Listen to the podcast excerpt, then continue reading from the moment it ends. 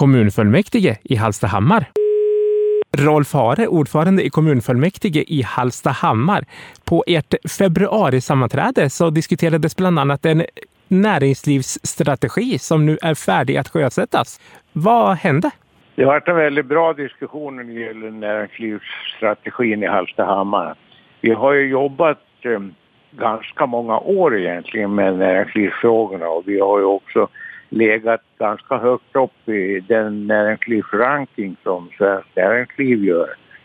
Nu vill vi sjösätta en strategi som har jobbat fram under 2023 och det har ju att göra med egentligen att näringslivsfrågorna det är liksom nyckelfrågan i Hallstahammars kommun. Utan ett bra näringsliv så växer ju heller inte kommunen. Vi har ju företag i Hallsta, Kolbäck och Strömsholm då som vi värnar om på de orterna och här har vi haft diskussioner med näringslivet och en viktig fråga som de ser som kanske den allra viktigaste det är kompetensförsörjningen inom företagen. Där måste man samarbeta, kanske även med skolorna framöver, hur, hur man ska komma och få tag i bra arbetskraft. För att det skriker nästan alla efter idag. Den här strategin den är som sagt färdig att sjösättas. När kommer det att ske? Det kommer att ske under den närmsta månaden här skulle jag tro. Den är ju i stort sett klar och eh, det är väl bara diskussioner hur, hur man ska gå tillväga för att komma igång med den ordentligt. Så den är på gång.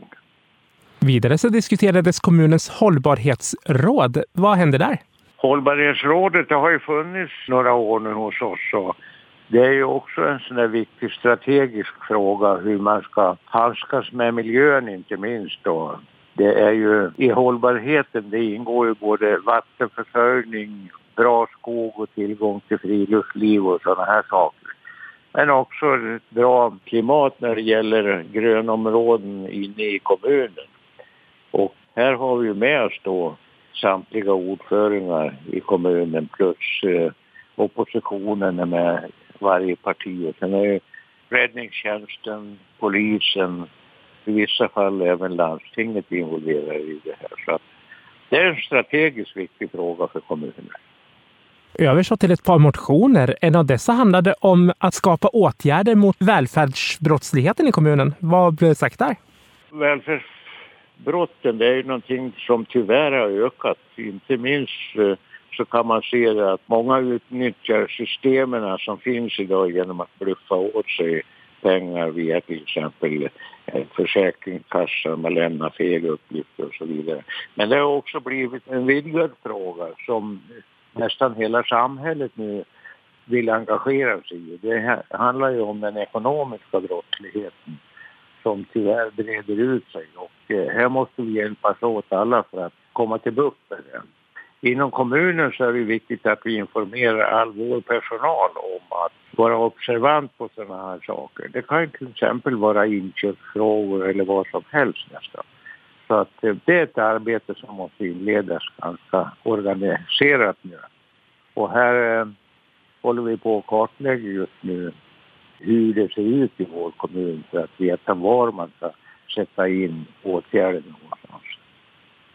Och till sist kan vi nämna en annan motion från Centerpartiets Anna Gunstad Bäckman. Den handlade om en ny badplats. De vill ju förlägga en ny badplats kring våran Skanssjö som vi har och det är ju en väldigt känslig fråga egentligen för att man ska ju komma ihåg att Skanssjön det är ingen naturlig sjö utan den är ju grävd för hand för att kunna frakta på den tiden massa gods som kom upp från Bergslagen och ut i Mälaren.